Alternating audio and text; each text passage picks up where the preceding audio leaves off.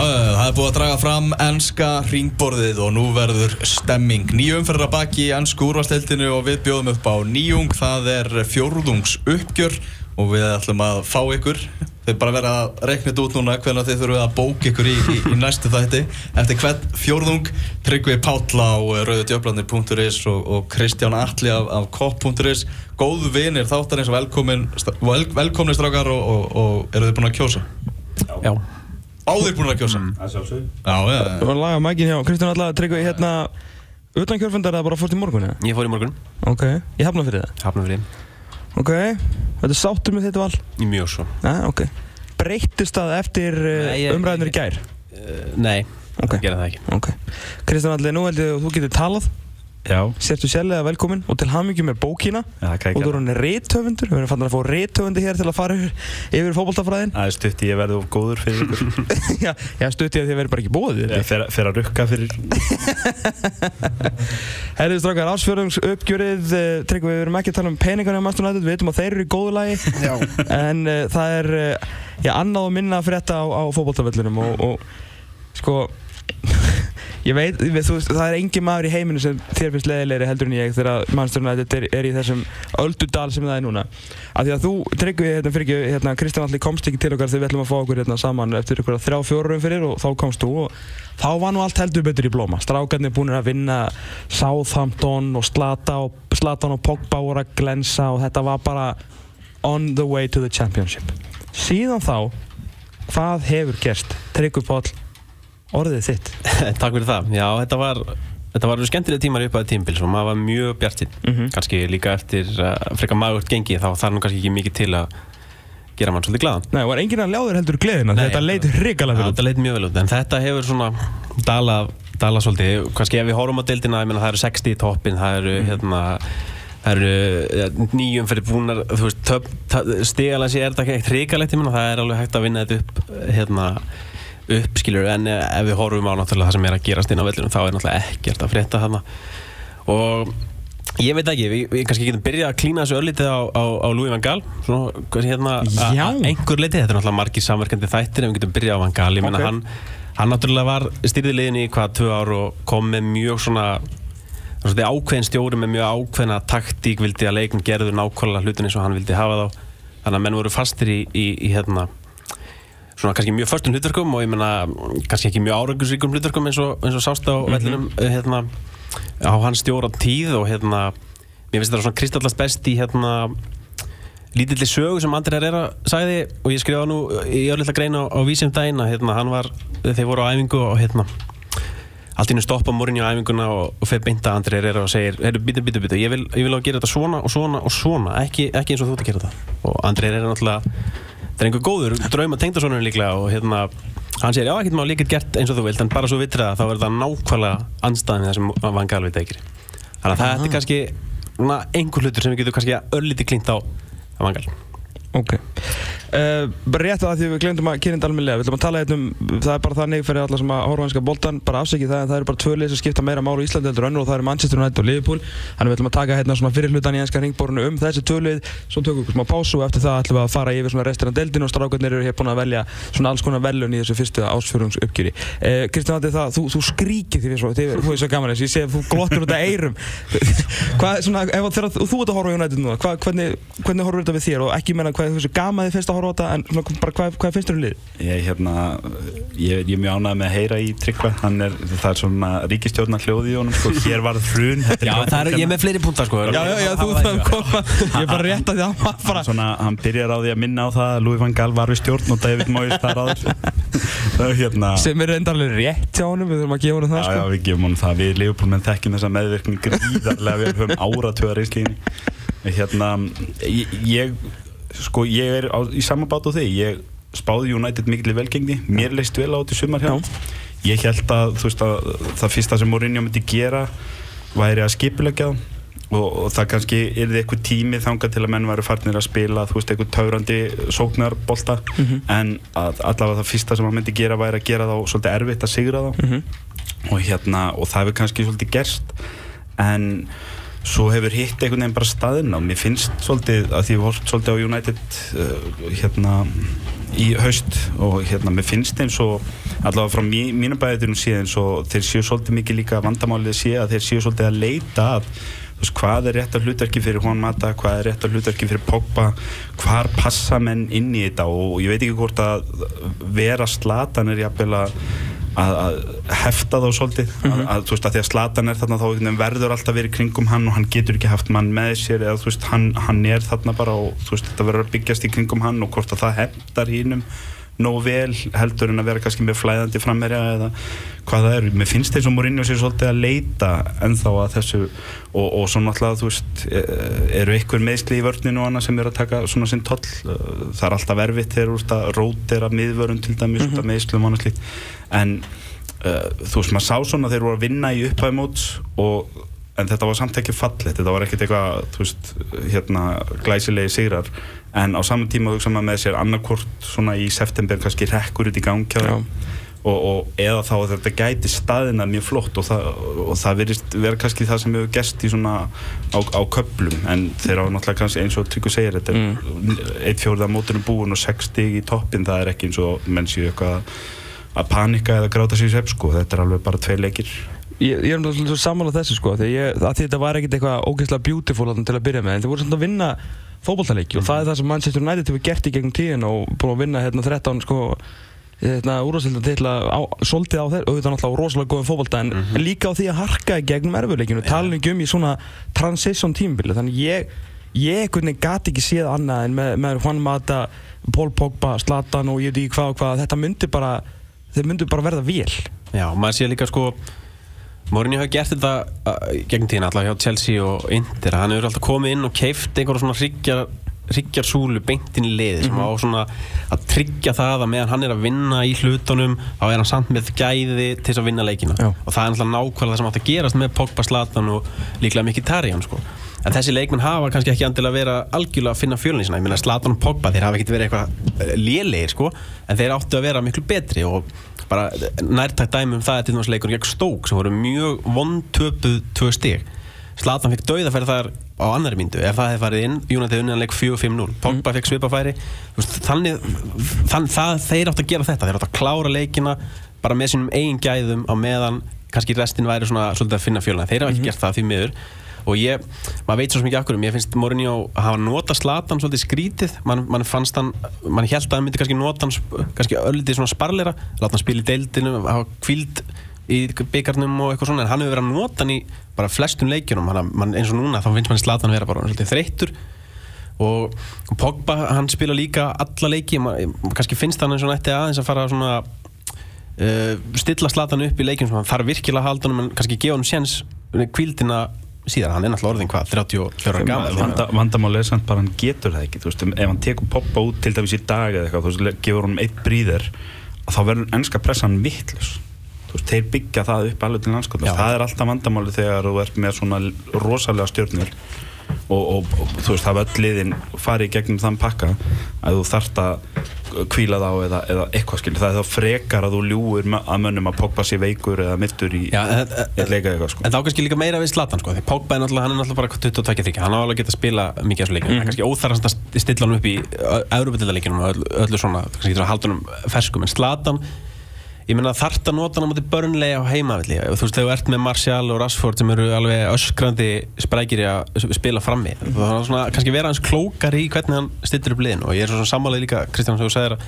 hann veit ekki alveg hvað er sterkasta byrjunlið og hvaða uppstilling á hann nota. En ef það er eitt leikmaður sem að uh, ætti að vera í þessu byrjunliði og það, það er Juan Mata og hér er afhverju. Sko uh, þú maður horfður á Manchester United án Juan Mata og þá er Zlatan Ibrahimovic upp á topp. Uh, sko Ég, ég ætla ekki að segja þessi mýta að Zlatan Ibrahimovic komi niður og sækja bóltan, hún er fyrst aðskaplega gaman.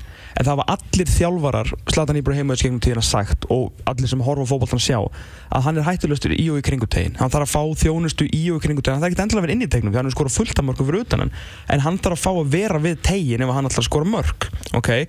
Uh, og þetta bara nú svo síðasta dæmi hjá, hjá PSG, ég meina Lóni Blank talaði um þetta og allir þessi gæðir uh, sem voru að þjálfa hann að ef hann fær bara vera í díabónum og ráða hvort hann stýja einu, einu skrifu út eða einu skrifu inn, þá skorur hann fullt af mörgum þetta er ekki bóði hjá Manchester United af því að sóknarleikurinn er ekki til staðar. Ef á hann mata er ekki inn á þá er þú veist Pogba, þú veist þetta var Rooney þetta er Fellaini og André Herrera enginn eða með eitthvað sérstaklega, ég veit að Pogba sóknarsinnar að hann er og. Uh, síðan á hann mata kemur þá er allt í hennu komin einhver gæi kringum slatan til að búa eitthvað til og þá einhvern veginn funkar allt og þá kemur sko tempóið fyrir úr sko non-existent í, eitthvað að gera sko. Ég veit að Hósa Mourinho veit miklu meira fókbóltætur en ég, ég er full meðvitaður um það sko. En mér finnst þetta einhvern veginn svo augljóst að ég er farin einhvern veginn að halda að ég hefur rámt fyrir mér að því að sko hann hlýtur að sjá þetta. En af hverju er One Mata ekki lið þetta, þetta hlýtur að liggja í augum uppi Nei, það gera það hérna ekki, að, hann sé ekki í liðinu. Já, þú veist, að, hann eiga verið í liðinu. Já, já, það sést líka bara eins og það segir Þú veist, þegar hann er ekki í liðinu þá er eini sóknarleikunni að lúðra boltanum upp á slatan og vona hann skallan eitthvað og einhver takja hann niður og skjóta markið. Þegar Mata kemur inn þá er rótulega mikil reyning á milli lína mm -hmm. og, og tala um þegar hann hendir lingar þannig inn í, í mixið sko, þá þeir ná sérstaklega vel saman, allir saman Já, ég sko, hef ekki svarið að hverju Mata fær ekki að byrja. Nú er þetta slúðrið fyrir hérna, leikinu og eftir er að Mata verði ekki byrjanlega. Yes. Þannig að þetta, þetta, er, þetta er svolítið, wow. þetta er ráðgátt á. Þetta líka kemur inn á sko, þessar evasendir sem að liggja eftir síðast tímpil hjá Mourinho með Chelsea þar sem bara allt hrundi á uh -huh. óskiljanlega hátt sem er ekki, þú veist, það er ekki ennþá búið að skýra hvað gerðist sko. Það bara veit það enginn, fólk getur pælt í því en það er bara, svarir ekki til. Og þar eru svona evasendirna sem hann hefur Mourinho, er hann, er hann kannski búinn er það, það, er alltaf svona aftan í kollunum eftir þetta síðast tímbil það eru svona ímist táknum það núna. Og þetta er bara spurning í alvörunni sem hann verður að svara. Uh -huh. er ekki tölfræðin svo að í síðustu 27 dildarleikum þá er hann tapað 13 með Chelsea og, og United uh -huh. sem er veist, helmingurna hjá manni sem tapaði í aldrei Já, hann er ekki með söndar sko. Nei, nákvæmlega og, hérna, og þú veist, hann kemur alltaf inn og hann byrjar til dæmis á því að hérna, lána einhver að stráka út og, og reynilega bara koma ítla fram við svænstækjur til dæmis mm -hmm. sem, sem að maður las á fjölmjölum að væri ekkert svakalega vinsalt hjá öllum leikmannum í liðinu og, og svo náttúrulega, þú veist, er hann að reyna að koma sínum hugmyndum áleis og svo, þú veist, er hann búin að kippa rúni út á liðinu og það má kannski ræða það hvort hann hefði getað að höndla það betur hvernig hann gerði það hann svona eiginlega halv hengdi rúni út til þeirri síðan tvo þeirra leiki áður hann svona eiginlega veitt honum náðarhöggið og leiði honum aðeins að koma úr eldlinni og, og svo þú veist þessi meðferð á Mata ég, ég bara, ég steinhissa að Mata byrjar ekki dag eftir að hann var bjarta ljósið í þessu á miðugudaginn og, og skoraði sig um harkja mótið sitt í og, uh -huh. og þú veist það er eins og Tryggvi segir, það er ímislegt þarna en það er líka, þetta talar allt svona einhvern veginn upp í stærri sannleika sem er það líka það er ekki nóg að Mourinho kom inn og það er penningum jákvæðin og að því að nú höfum við Tryggvi til dæmis tala oft saman um boltan og svona uh -huh. og og ég verði hjá ykkur og, og maður tala á United menn þá gríðarlega ákvæðin í kringum United eftir í sumar, nú var sko búið að setja heimsmet í að kaupa bókba og Zlatan var komin aðna, Mikki Tarjan sem að Leopoldmenn eldust við heilt sumar mm -hmm. þannig að þá meiri sér hægt að stríða Leopoldmennum í sumar ekstra mikið ja. og, og svo Mourinho komin og menn voru bara að setja stefnun og titilin og annars líkt og hon, honum er ekki tekist að viðhalda þessari ákvæðinni, það er einhvern veginn allt í erfileikum hjá klubnum menn er einhvern veginn, já við erum bara að vinna vinnun okkar mm -hmm. og það er einhvern veginn svo hann er að kvarta sjálfur yfir því hvað hann býr í Manchester og þetta er einhvern veginn ekki jákvæðinni sko og þetta náttúrulega setur í ef við ræðum Leopold eftir þá náttúrulega setur það í alveg skýran svona hérna kontrast eins og þeirra kloppmætti fyrra og Leopold voru bara neður hlutunum á deildin og menn voru bara múin að gefast upp á tímanbíl og annars líkt og hann bara á einum blagamannafundi þá voru menn bara farin að syngja og blístra át á götu í Leopold mm -hmm. það, og þú veist þessi hlutur eru mikilvæg líka að þú veist að menn fari þú veist ánæður og fullir tilökkunar á völlin að horfa liðið sitt og leikmennin séu brosandi á æfingum og eitthvað svona. Maður er ekki að fá þess að ströma frá mannsýstir í dag.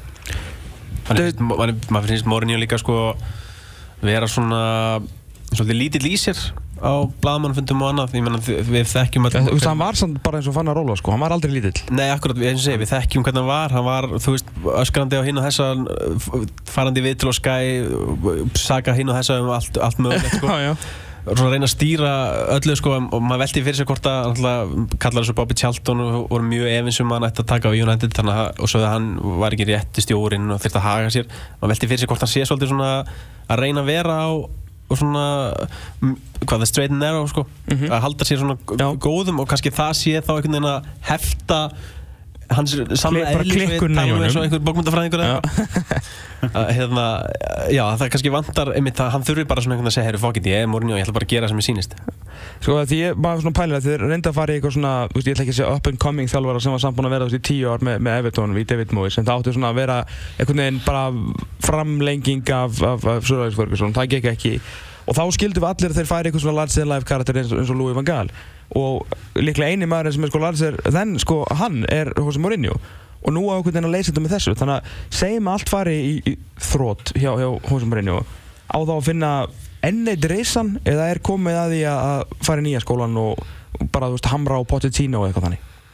Já, ég myndi segja það, en ég menna en það verðist ekki vera á svona stefnan Nei, og sko líka stefna, það er náttúrulega ímislegt að hjá United og ekki bara á knaspinduvellinum og eins og maður er oft komið hérna á þessu þætti að svona félagi virðist vera svolítið að að fókusara á vittur svo hluti, það, mér finnst þess að það sé meira að vera að fókusa á svona celebrity hlutana fótboltanum, kaupa dýrustu leikmennina og vera með stærstu stjórna frekar en að, að gera það sem skiptir máli, að tala inn á fótboltvellinum Ná, nú er þeir byrjað líka að rappa þegar þeir eru Já, kynntið til leiks. akkurat og hérna, það, það er svona það, þú veist þannig ég myndi held að Woodward færi bara beint í eitthvað, ég veit ekki einhvern svona gamla stjóra sem er uh, eitthvað svaka nafn sko frekar en að gera það rauninni eina rétta og fara í eins og Pochettino sem bara væri fullkominn fyrir þetta lið myndi ég halda með hvernig hann er að stýra þessu tóttanli Na, sammála því. Herru, við þurfum að vinda hvað okkur í, í cross. Við ætlum að uh, fara til uh, Liverpool. Þar er allt í blúsandi svingi og Kristján Alli byrjar að brosa og tryggva langar heim. 20 púntar uh, með náttúrulega sko, heavy metal fútból, hashtag mestari í vorsi á, á Facebook. Enda laust, uh, reyndar alltaf hashtag á Facebook, það er einn ákveð maður sem þá kannski að fara að læra á Facebook og Twitter. En hérna, það er gaman að vera Liverpool maður í dag. Já, já, bara ekki tala við mig um titilin, það má ekki.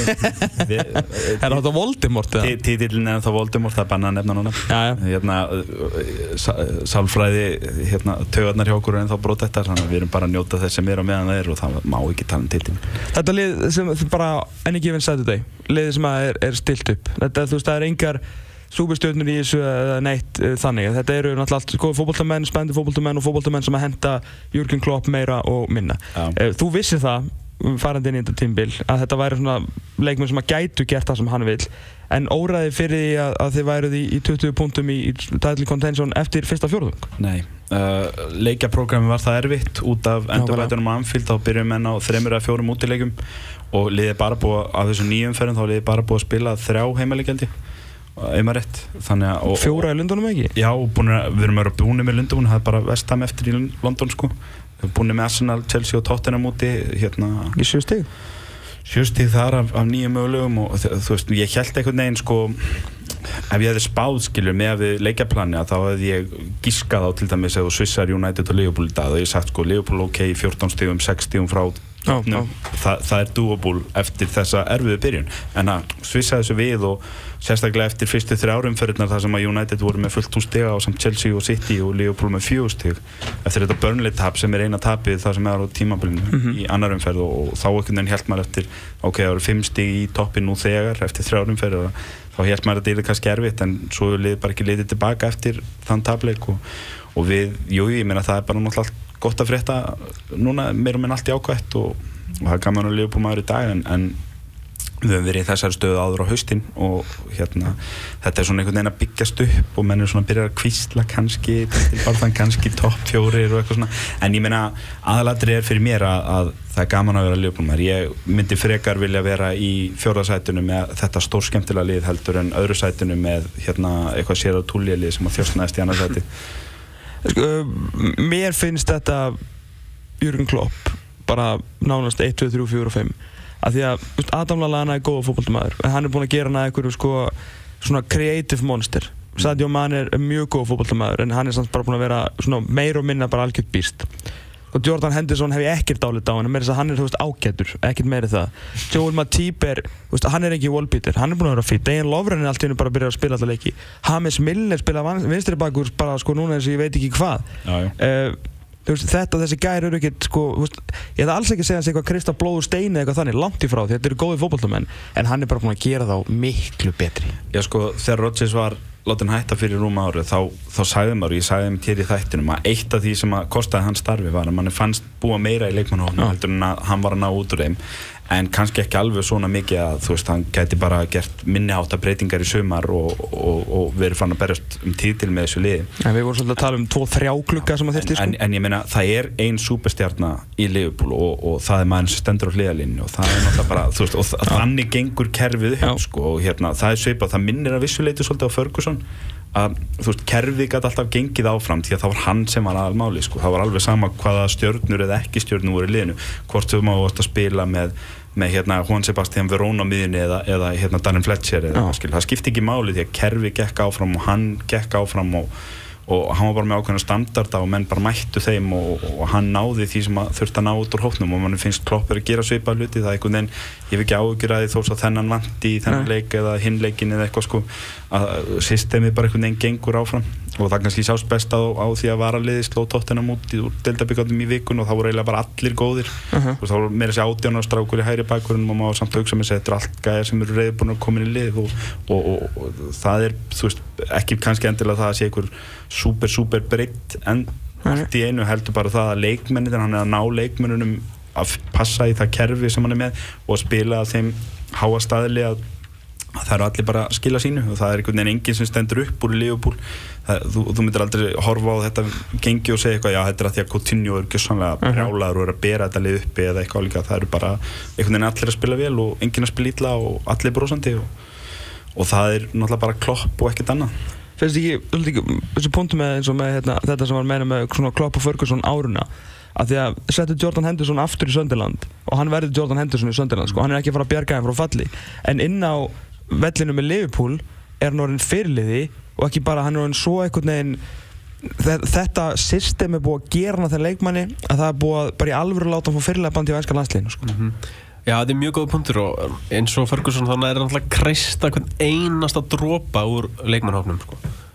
og hérna það er hérna það er um, það er hérna það sem Klopp gerir líka er náttúrulega bara að hann er að magna alla, alla leikmenn upp eitthvað sem engum stjóra Júnandi hefur tekist frá Ferguson var sko. hann er að ná öll út úr leikmenn á það er alltaf sem skiptir máli og ég sé enga ástæða að leifbúlega ekki að vinna hann hefði stitil Er það eru stóru tíðendi úr leik Sönderland og Arsenal því að Sönderland er hérna að fá Vítaspilnu, hvorki meira enn ég minna Og þú vilt raukt á Cech eða ekki? Ég, ég brjálaði Stóru fréttinnar við þetta, þennan vítaspilnudóm sem ja. gerir náttúrulega Arsenal brjálað því að Arsenal átt að fá víti rétt á þann okay. Þegar broti var á Alexis Sanchez þar sem Arsenal hefði náttúrulega getað komist á í 2-0 Þetta er á 60.50 mínútu og hér var Sönderland tækifæri til að Já, Petr Cech sem er dæmdur Petr Cech sann eiginlega fer alveg eins mikið frá þessu og hann getur. Petr Cech er með að halda upp á 10 ára hjálmaðamali sitt. Er hann ekki að ræna mannin augljósa marktæk? Hann er að fara svo langt frá markinu Einar Gunnarsson er trilltur á Twitter það kemur ekki óvar Herru, mér langaði að Við máum að fylgja sætti Kristján og svo bara hérna rýfur okkur uh, nýttar að skatta þetta smástund. Germany Fó er búin að nýta fjórar af fimm vítaspilnum sínum segir grafíkin og skæði okkur. Hann er búin að setja þrjár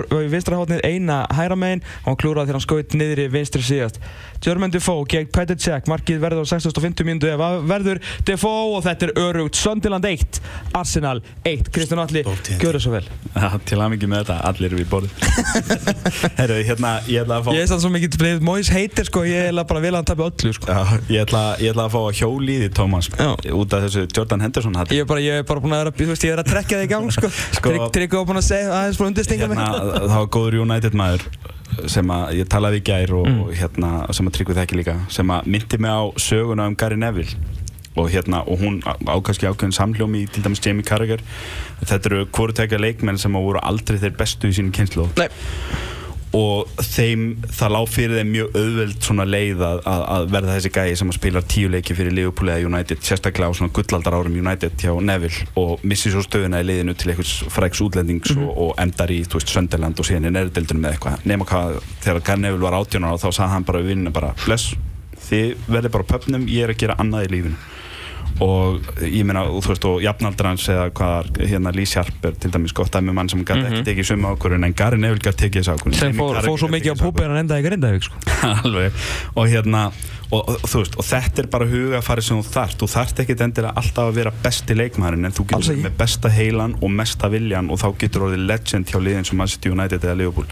Og það er það sem Jordan Henderson er að sína það fer oft fram hjá mönnum, það er ekki ástæðuleysu og ekki út af einhverjum bílum talent sem að hann var gerður að fyrirlega hjá Liverpool þegar Steven Gerrard tætti. Þetta er bara maður sem er búin að taka þess ákvörðun og leggja á sig þessa vinnu og hérna og og, veist, og það verður að gefa hún það. Þetta er leikmaður sem greiðlega vinsæl og allir líta upp til í Liverpool og það er heldur ekkert ástæðulegs og hann er og farin að vera svona varafyrirlið og er núna allavega í bíli og meðan sáttgeti með þetta orðin fyrirlið á ennskan landsliðinu líka. Þetta og, og Klopp til dæmis þegar, menn, þegar Klopp tók við og hann var mittur hjá hendur svo að mittur hjá Liverpool og þá einhvern veginn voru menna ást um framtíðans og, og maður þekkir hann og, og ég er búin að fylgjast með hann nokkur ár þá átti ég þú veist, ég veist ekkert um að Jordan Henderson kemur tilbaka og verði líkilmæður í sliði spurningi var bara hvar, því að hann er bara með hugafarið í það hann er ekkert að fara að gefast upp. Og það er nákvæmlega þannig leikmenn sem að Jörgen Klopp vil byggja sitt lið upp í kringum. Það besta af fólkvölda er það sko, þú, þú mátt alveg skipta um skoðun. Og það er, segir, segir, veist að það er ekkert sem kemur í veg fyrir það næstu mánuðu með árum að ég mun skipta um skoðun. En sko, Jordan Henderson fyrir mér akkurat núna Uh, er búinn að hlaupa mest, senda mest og með bestu sendingaprósenturinn í deildin enn Já, sko, veist, hann, hann sendir 10 metrar sendingar sko, við skulum alveg, skulum róa okkur þarna Það sko. gerir Xavi Hernandez líka hjá Barcelona en, Já, en, en sko 10 metrar sendingar sem skil ykkur sko, hann er náttúrulega bara, veist, þetta er þetta er svona bara blekkjandi tórfæði sko, við þurfum að átt okkur því að þetta er mjög blekkjandi sendingar af Jordan Henderson sko. Hann breyttist í rosalega leiðina leikmann þegar hann fekk fyrirlega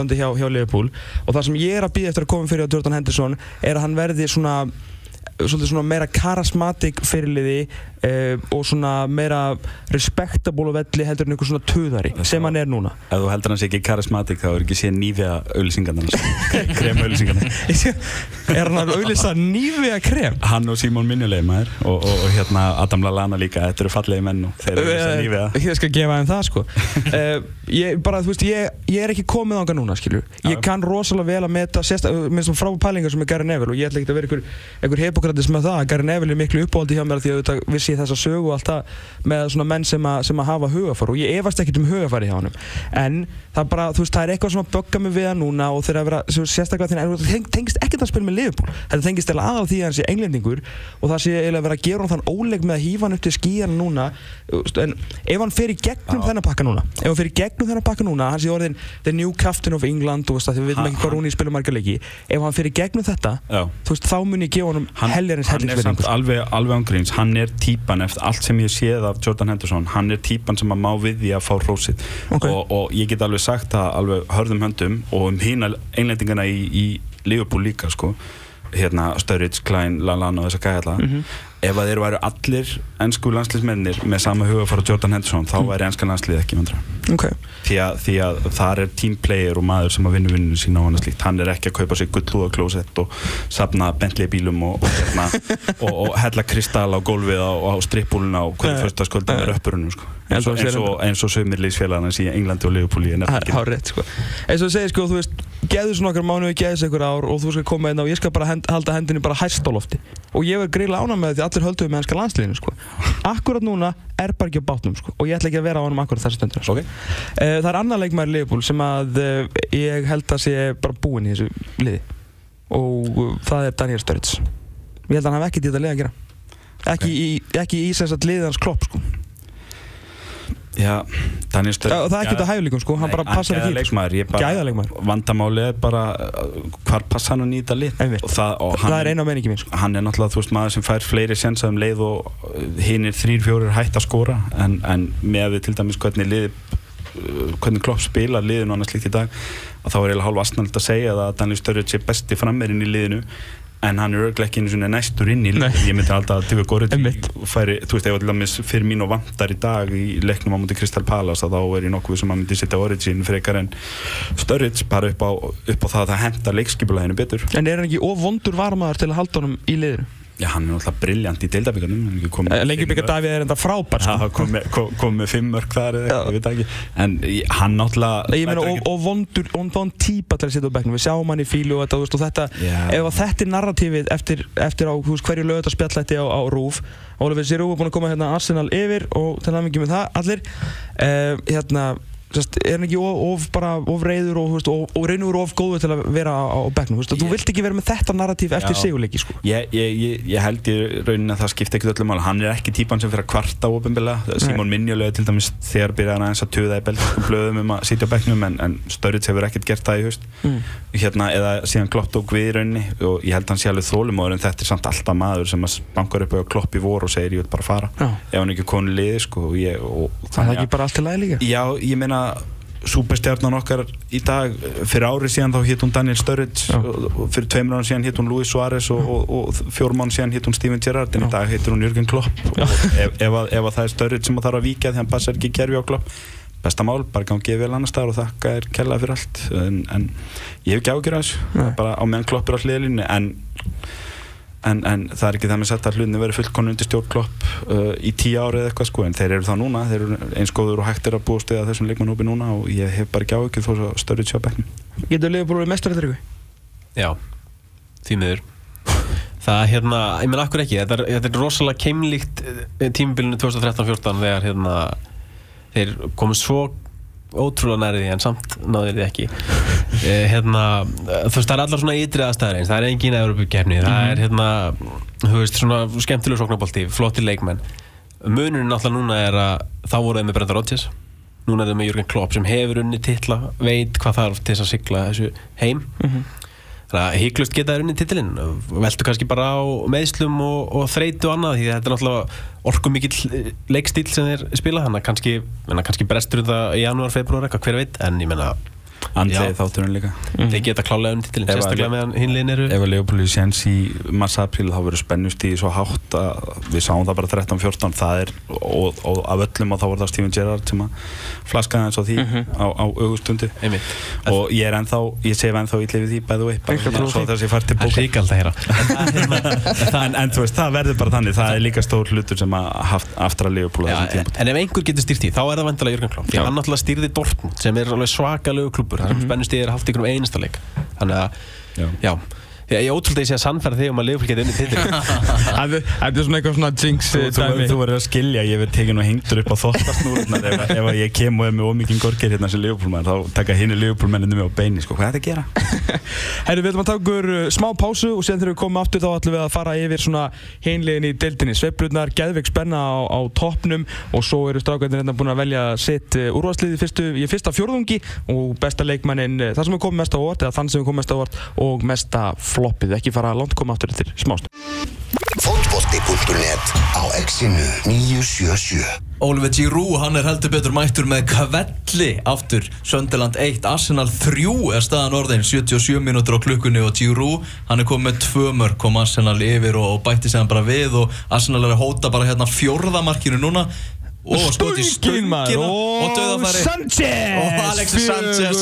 4-1 Arsenal, Sönderland verður 0-2-8 eftir 10 umferðir. Auðmingja Móis Auðmingja Móis Það var þess að vörð á Sönderland Já, það var mjög fyndið. Það er þátturinn ángur Hann er til 2 uh, Til mín eftir, við þurfum bara þann tími að ræða Sönderland uh, Samt ekki. Hérna Rósalega liðlega lið Wow. Herru Sanchez og uh, Oliver Giroud c'est parti með tvö mörg Herru, hérna ennska árústöldinu við ætlum að fara, töfum aðeins á svona fleita rjóman af árunum við förum í, í liðin ykkar og, og þetta. Uh, spennandi bara í þessari delt núna. Það er bara hvað eitt stig sem maður skilur hérna að, hvað erstu fimm liðin eða eitthvað. Tottenham, þeir hérna kom mér ávart þeir eru ennþá the mix, Manchester City þeir ætla að vinna alla leikina og svo hættur að vinna. Arsenal, þeir tapar ekki leik Liverpool tapar ekki leik, þetta er ótrúlega spennandi. En svona hvernig, Kristján, við byrjum á þér. Svona hva, hver heldur þú að þegar við verðum með því næsta fjórungi verðið kannski búin að skera sig aðeins úr eftir nýju leiki viðbúin? City, ég, ég tippa en þá City allavega sko, ég Uh, ég veit ekki hvað er að gerast hjá þeim núna og svona þegar ég fóri yfir að því að maður fara yfir öll liðin og reyna að vinna smá heimaðinu á að við settum í lið umferðarna og svona mm. þá kom það mér svolítið óvart að það kannski er ekkert margir sem standi upp úr hjá City. Ég held að það sé svolítið pepp og, og systemi það svipa og klopp og systemi en hérna, en ég held bara að þeir séu ennþá allt og sterkir fyrir flest litlu liðin og annað þó sem þeir hafið ef að þetta er, þú veist, ef að þetta er öll hrösunin hjá þeim að vera ennþá á toppnum eftir hvað sex leiki án sigur sjálfum keppnum. Helvítis. og þá gerir maður ráð fyrir því að þeir er rétt úr kúknum núna eða í næstum fyrir eitthvað sko, það fer að koma að því og þá náttúrulega bara vinna þeir aðra sex í röð. Er, er þetta tryggvi, hérna, þessi svona, þetta stömbul hjá, hjá mér núna, er, er einföldun að segja, hérna, þú veist, velkomin í Premier League, að, að, að liðin fyrir neðan miðju heita ekki Granada og Alavis, þú veist, heita, skiljur, Vestham og, Crystal Palace?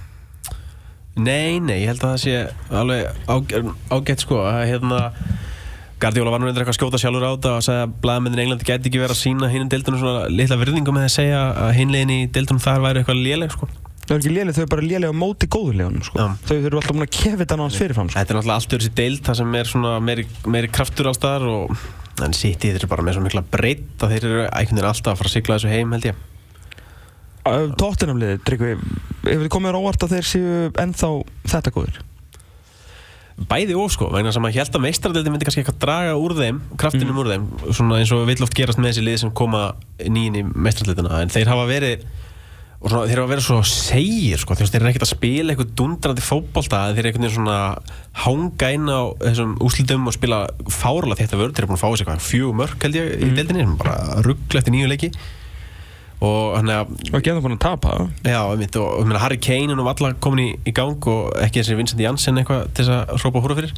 Þannig að já, það hefur kannski komið óvart en samt ekki, þess að Pochettino hann virkar bara svo rosalega góður knaspinnistjóri, bara á alla vegu nær liðseldinu upp og eins og Klopp nær að magna alla leikmennu upp í eitthvað miklu betra en þeir í raun og veru eru. Nú, heldur þetta ekkert nýtt með, með Pochettino, hann gerði þetta á Sáðandóðan sem hann tók við, veist, af sjúkara þjálfara sem er þetta gerði mjög vel, gerði mig ekkert lítið úr honum en svona, þú veist, einhvern veginn lifti því og er búin að lifta þessu tóttinam þannig að maður spyr sig ef hann fær stórlið, hvað sem það heitir ef hann getur lift því líka, þá maður einhvern veginn sér maður svona fram á ansi bjarta framtíð hjá, hjá Mauricio Pochettino hann ekki- Barcelona bankar fljóðlega þegar Lewis Enrique fer eitthvað. Já, þeir á- taugum, eins og flestir sem þjálfa Barcelona. Uh, Chelsea, Kristján Alli Já. Byrjaði svona þeir hörkuðu sig gegnum nokkur leiki. Síðan einhvern veginn var sá afsláttu búinn þeir fóru í, smá rugl en nú er allt komið á blúsandi svinga aftur og það var kannski það sem við vorum að býða eftir 3-4-3 Já, þetta er svona kannski þetta er svona byrjanir sem maður kannski átti von á eftir læðina hjá þeim og vesinni í fyrra og nýjan stjóra að hann myndi bara þurfa smá tíma til að snúa hlutinu við og annað, það er kannski svipað og við erum búin að tala með Mourinho nema það hafa ekki verið kannski mikil afhróði á Chelsea en þá Mhm. hérna og, og náttúrulega munurinn á, þú veist, ef að, ef að United hefði unnið en ekki tapa 4-0 fyrir Chelsea síðust helgi þá hefði við verið átt, alveg þurri öru umræðum um. Chelsea og United í dag sko. þetta, þetta er ekki mikill meiri munur en það en þá á þessum liðum í fyrsta og sjötta sæti í þessari dild en, en Chelsea eru bara rólu ég held að þeir séu svolítið að græða því núna eins og Liverpool náttúrulega að vera ekki í Európu Mhm.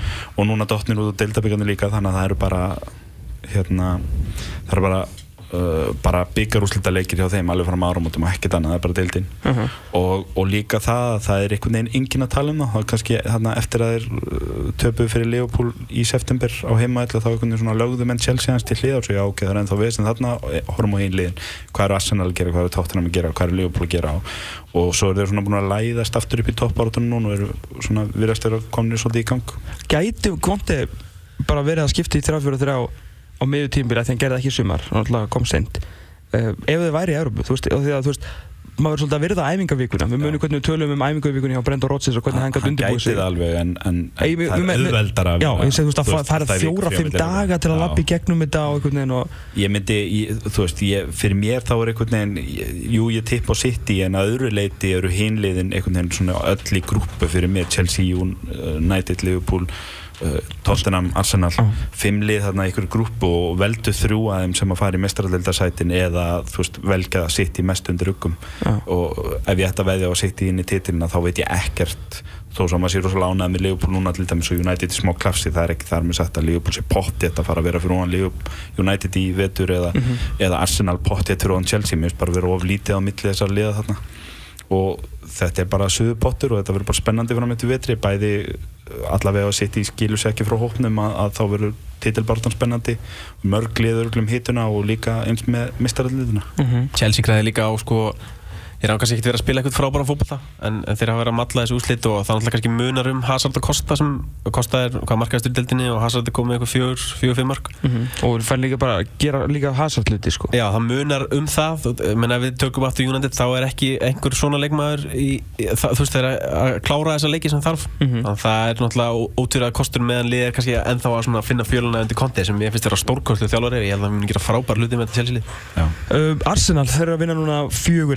Arsenal þeir einhvern veginn það sögðu allir þeir vantar miðvörð, uh, ykkur vantar miðjumann og ykkur vantar framherja. Þeir gerði eiginlega ekki dísu þú veist þeir kemst ekki ræðin Saka sem kemst ekki liðið Mómentelin Nenni kemst ekki heldur liðið þannig að þeir eru með sömu miðju meir og minna. Uh, Saka er ekki heldur ekkert sínt eins og allan ég reknaði með. Þetta er fýtleikmaður, þetta er ekkert gæði sem breytir liðið í Premier League sko. uh, þeir fengur sem miðvörð en þá var meira út á meðslum sko, vengur og búinn að missa Mustafi hann var búinn að missa, þú veist, þeir fóru til Valencia og þeir klúruðu þeim samlinga verið og svo þurftu þeir að borga upp í topp eftir að Perimeter mettist þannig að þeir raun og veru gerði ekki neitt eru basically með samanliðið en eru núna að fara toppin í allavega í smástu með 23 stík verður þetta ekki bara Arsenal sem við þekkjum? Bara þú veist, when comes March takk fyrir okkur eða? Já, ég meina sagan sínur okkur það en, en kannski hollingin á Arsenal er svolítið öðru sig og ég meina eins og í meistrarleitinu bara þar eru þeir á fín róli aldrei svona þeir eru ekki að retta sér fyrir hot þannig að þetta kannski aðeins slaka á þar. Núna eins og þeir hafa ekki geta gert síðust tímbil þurfa að eða orku í það þannig að þeir geta kannski aðeins fókusa meira á deildina Grændu út þetta jafntefni ekki PSG Já, sem var bara algjör líkiladri það er svona bara einhvern veginn hefur umbreytt þessu öllu saman og hérna þú veist, Volkott einhvern veginn líka komið hann fram. En maður fleiri mörg núna heldur en sko allt síðast tími Já, og hérna, þú veist, það, er, svona, það er eitthvað aðeins öðru sem við Arsenal núna en, en undarfærna ár, þannig að það er aldrei að vita en ég myndi samt alveg tippa á að þeir klúður þessu eins og alltaf einhvern veginn Þeir eru bara búin að gefa, gera þetta á mörg ári rauð, það Já. er engin leið að spá neina öðru en Arsenal. Hvað eru búin að setja þarna oft og segja þeir, þeir fullt ás að genn? Já, þú veist, það er engin leið að spá öðru en Arsenal muni Arsenala. Já þanga til annað kemur í ljós veist, þeir eru búin sama þjálfan á hliðalínu og þeir eru búin að gera þetta með veist, þrjár kynnslóður af leikmönnum eða eitthvað sko að þá er bara, þeir líta rosalega vel út en þeir hafa bara svo ógeðslega oft litið rosalega vel út í oktober, november, desember og svo verður allt í vendas þannig að veist, það verður þá bara koma á daginn ef það er eitthvað annað upp á tegnum hjá Arsenal í, í vitturinn, það liggur við að maður segja að það sé erfitt að taka það alvarlega þó sem sé á topnum á meðan maður Sko, þeir eru búin að, þeir eru búin að búa sér veist þetta er ekki óverðingi á þér. Mm. þetta er bara þeir eru búin að búa sér til þessa umræðu ár eftir ár eftir ár eftir ár og það verður bara að tala um hlutinni svo þeir eru. Eitt árunum förum í liðningar og það er bara Swansea City og náttúrulega ekkert reynur um liðið þannig, jú, jú, þeir að hefði getið að fara til Evertón og verið, þú veist, í, í, hjá King Coman sko. Uh, mér var flott hjá hann að vera áfram. Maður, veist, það var hotlusta og náttúrulega veist, líka peningar og allt það. Að vera líka, þú veist, reysastóri í Lidl-Lidl þarf hann að fara í janúar bara svona fyrir okkur og sig ef að, eh, ef að þeir bara fari ekki að vinna leikið þeir verða ennþá í fattsæti bara þegar nýtt árgengur í kall Var það hagsmunni í Íslaka landslýsir? Eh, byrjum bara á hans. Hans, já Sko, þó hann sé að skóra eitthvað mörg þetta var alltaf lægið þegar hann var að bjarga hann frá falli fyrir þá leiti hann ógustlega vel út en ef hann er kannski skórar í N1 3-1 tapinu og þeir eru í fallsæti þú veist í 19. umferð þá, þá fer hann svolítið ljóminn aðeins það veldur alltaf bara alltaf hvað er í bóði sko. myndi e, alltaf stökka á Evertón en frábært fyrir hann, svona akkurat klubburinn í stærð fyrir hann mm -hmm. en ég menna ef það er eitthvað annað þú veist, vestam eða eitthvað svo leiðist þá myndi ég nú bara halda mig á Svansi hann er náttúrulega aðal maðurinn á það og þú veist og því hvort að liði sig að spila illa ef hann er að spila vel okay. veist, þá eh, held ég að kannski skipti ekki öllum máli. Og ef þið myndi að falla þá náttúrulega er hann alltaf að fara eitthvað Já, ég hafa miklu að rákja því. Já. Ég get ekki ímynda mér að hann fari í janúar ekki bara af hotlustu við svansi ekki nema að sé eitthvað sem gerist þar og þeir vilji selja hann eða eitthvað sko. En ég held að hann sé að það fara að klára þetta tímafélum á hliðalínu smá tíma til að reyna að rífa þetta upp og ég, mynd, ég, var það? Ég, ég veit ekki með þann þjálfar en ég held svona einhvern veginn að gæðin í liðinu ætti að fleita þeim uh, bjarga þeim í ára aftur sko ef maður bara horfur á leikmannhópin en, en annað en séu nú gæst það var betri lið heldur en Svansi og betur mönnu lið heldur en Svansi falli úr þessar dild og, og, og bara af, af hérna, eigin auðlaskap sko þannig að veist, það getur allt gerst en ég held að hann klári tímanbílu með Svansi og, og svo býða hannu lið eftir honum ef Svansi rétt sleppa að falla eða falla eða eitthvað sko er ykkur ruggli þá og þurfu ég að losa peninga eitthvað næsta summa þá bara býða menn eftir honum hvort, sem er Kóman eða eitthvað annað í Englandi eða Þísklandi eða. Er svona horfandi á það utanfrá þá sko Svansi þegar þeir komu upp á sín tíma það var það svona flottu klúpur þessu öðru þessi stuðnismennir áttu hluti í honum og þeir voru svona að reyna að gera eitthvað aðra leið með Brenda Rodgers sem þjálfvara skemmtilegt lið, mann finnst veginn svo að þetta hefur svakalega fjara undan og kannski metnaður neitt í hann farin úr liðinu og þeir séu kannski svolítið að kassa inn á svaka sjónvastíl að það er mikið þurfa að pæli í Mhm. leikmanna hópunum, skilur staðinnar svolítið þegar þú næri ekki kannski að byggja upp á næsta level eins og Sáðandón til dæmis Já, þú veist, þeir fara og ná í, þú veist, bandaríkja mann með aðra svona sín einhvern veginn og, þú veist, fara vissulega aðra leiðir en með geðvíkum metnaði einhvern veginn í, já, skilur gott fara. Herru, strákar, hérna, ef við að byrja á, byrjum á leiðunum ykkar. Uh, þið völdu hérna bestu, bestu 11, uh, bestu 11 fyrstu nýju, eins og við kjósum að kalla þetta. Uh, Kristján Alli, vilt þú ríða vaðið það? Já, tökum markmanni fyrst Já. Á ég fara yfir allir Nei, tökum, tökum bara stöðu stöðu. og ég meina David G er besti markmann í deildinni það er ekki flókið en ég valdi Hugo Lloris í mitt lið hann er bara ég held að hann sé langæfstur í uh, baróttunum um gullhanskan og, og hérna og þeir eru bara búin að fá sér fjögur mörg næst fæst mörg fengin á sér deildinni eru lið með nýju mörg Mm. þannig að þú veist þessi vörn og, og ég hérna kannski kem að því á eftir ég er ekki með annan spörsmann í vörninni Mm. sem er kannski umdelt en, hérna, en þá gæti ég ekki annað en Tiki Lloris Frábæð markmaður, Hugo Lloris, en Tryggvi? Já, ég er ekki tekinn þetta ég, David G er klálega besti markmaður í nildinni og mínum að þetta er bara besti markmaður í heiminum uh, en þetta stók klúður þarna gerða verkum að hann datt út um mínu lið og ég er líka með Loris, hann er alltaf bara búin að fá þessi fjögur mörg bara stórkostlega markmaður og hérna í besta varnarlegin deildina þetta er svona eiginlega no-brainer að hafa hann í markinu Höldum okkur að Tryggva bakverðir, báðir, hægri vinstri. er ég, Eh, seti, Hvað, í hvað kerfi er þið bæðið? ég er í einhvers konar- þrý, þrý hjá mér Já, ég er í einhvers svona fjóri, tveir, þrý, einn Já, ok, fjóðið þig, ok, ok, flott, flott. Uh, bakverðinir. Uh, ég setti Hamis Milner í vinstri bakverð Mhm. bara því ég var eitthvað að reyna að finna eitthvað betri vinstri bakverð mér finnst bara einhvern veginn enginn hafa verið betri en hann svona heildan liti hann Nú gefur- bróðs ég sko. Já. Nú er ég Ég mér þú veist nefnum mér annan vinstri bakverð sem hefur verið eitthvað betri skilur þetta er kannski þannig stað að það er erfitt að vera eitthvað að skara fram úr hann en já, hefur gert það kannski alveg samt með því að vera skora fullt af vítum en hann hefur þetta verið Já, hann er bara búin að vera góður, þú þarf það ekki að afsaka þetta, hann er búin að vera virkilega góður. Og svo hendi ég Kyle Walker hérna í, í hæri bakverðin bara svona eiginlega sömur ökum með Loris besta varnarliðið og Mm. hann er bara svona þéttur sóknarlega framlega og akkur það sem hann vilt hafa í bakverði? Nei, Kristján fyrir ekki. Herru, ég hérna, ég er náttúrulega sammálan með Milner, ég, það var eiginlega bara fyrsti Liverpool-maður á blaði í lið hjá mér, hann, Mhm. er, hann er búin að vera alveg fárlega góður. Og bjóðst ekki því fyrir sísón. Nei, við vorum alveg hoppandi brálæri yfir því að James Milner ætti að vera hérna, bakur en það eins og ég segi sko, Klopp er svolítið að ala okkur upp líka stundismennina Mhm. í haust, en hérna Og hægri bakverður? hæra bakur hjá mér er, er hérna Hector Bellerin, ég er og mjög nálægt liðun hjá mér, þeir eru báðir til dæmis að fá hærri meðalengun hjá húskort heldur en, heldur en Milner og, og, og Bellerin, en ég er bara svo hrifin af og sem gammal bakverður og þá einhvern veginn, að maður næri ekki að hrista það sér, maður horfur alltaf á það sem að, stöðuna sem maður spilaði og fylgist með mönnum þá, ég hef bara búin að vera síðan að Bellerin kom inn í dagsanlið þá er ég búin að vera gríðalega hrifin á hann mér finnst hann vera besti bakverðin í deildinni, hægri eða vinstri. Og, Ok. ég, og hann hefur bara búin að vera fljúandi í, í startinu á þessu sísóni Miðverðir, uh, Kristján? hérna, þar er ég með annan nationalmann uh, Sjökódran Mustafi sem að ég held að hafi bara verið mikill happafingu fyrir þá og, og hérna og, og þeir á kom rosalega vel inn í og hérna, ég var nálægt til að setja uh, eina United manni minn sennilega Erik Bailey þarna í lið en, en ég sett hann ekki inn og Ok. okay. hann svona kannski á staði upp úr í United það sem hafi tímabili Og með Mustafi? með Mustafi er annan íli hérna Sjóel Matip Já.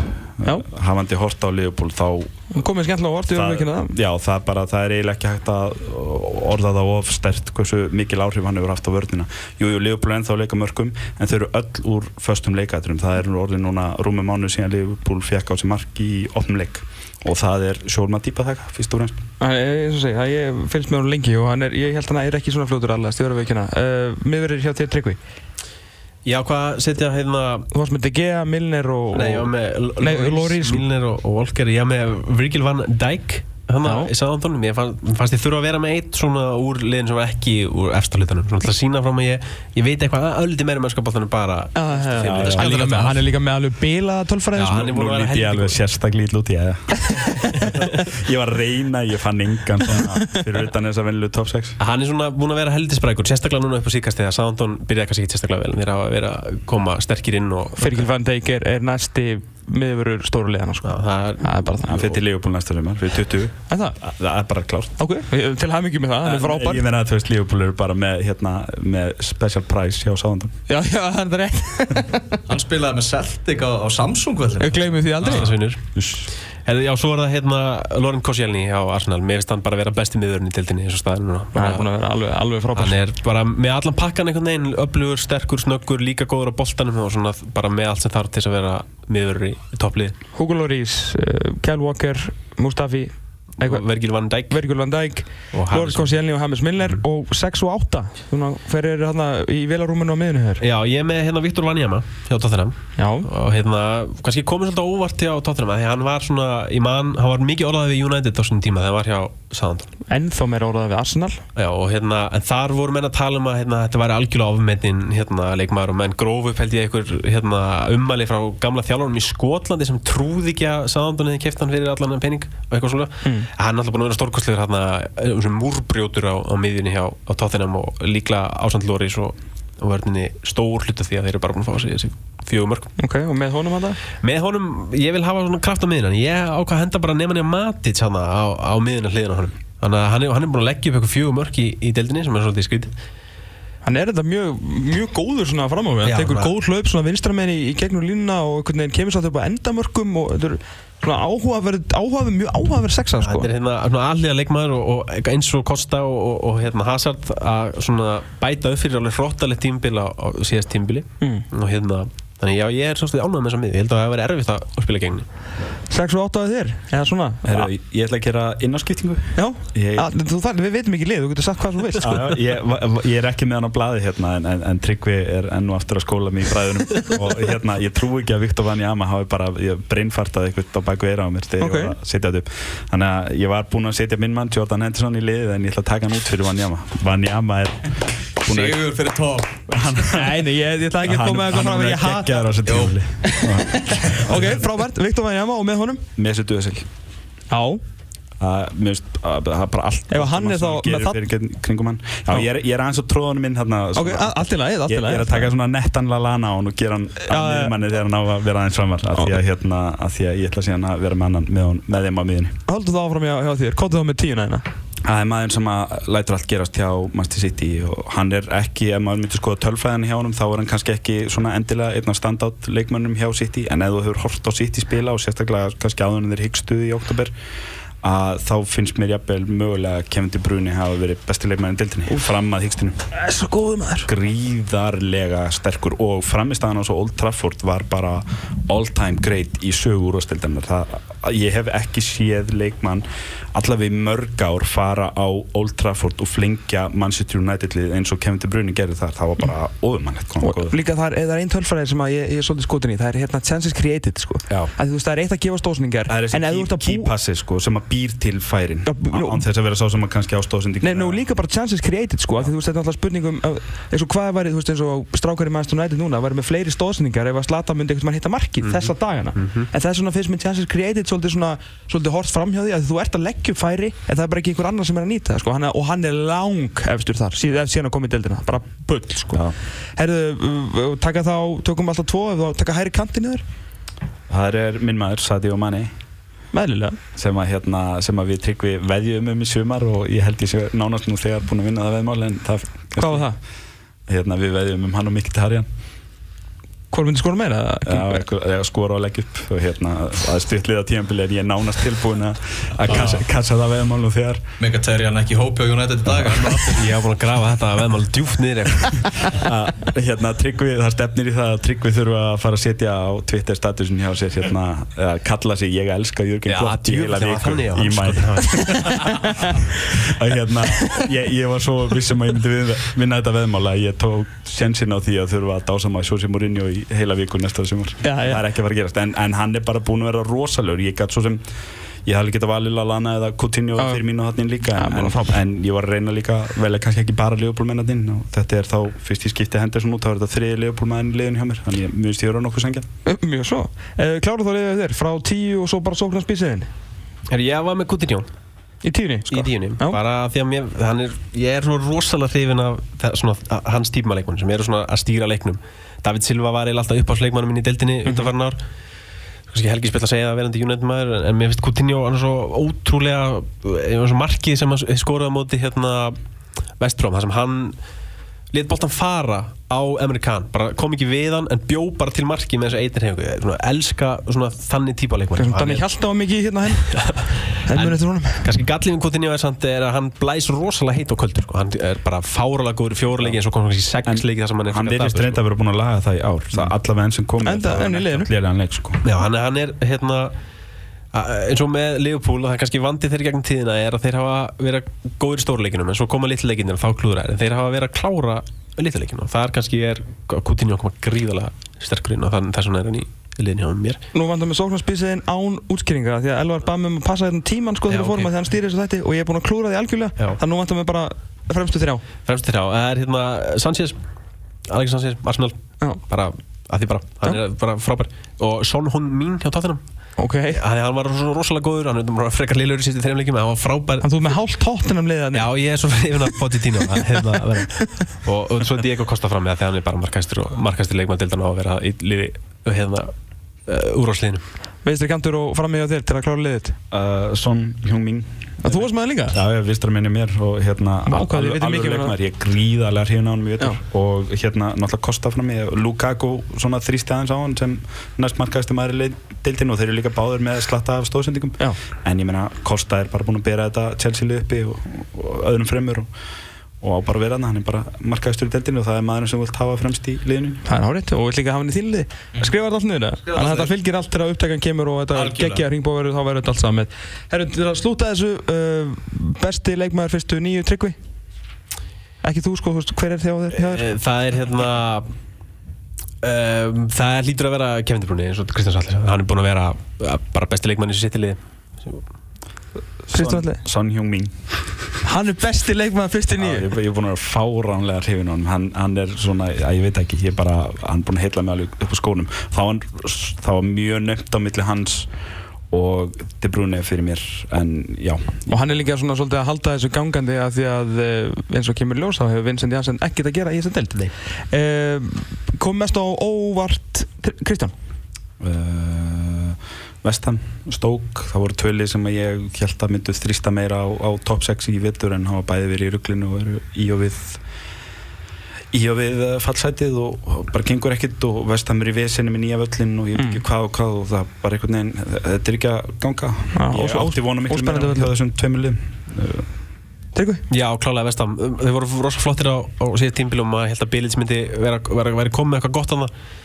En þetta kannski sannar að það er varhugavert að flytjast á nýja völl svo ég rífi upp slegginu og kom með einn sleggjudóm. Það er náttúrulega bara nýju leiki búinir á tímbilinu en ég menna Arsenal hefur nú ekkert verið að gera eitthvað frábær hluti eftir að þeir flytta á völlin.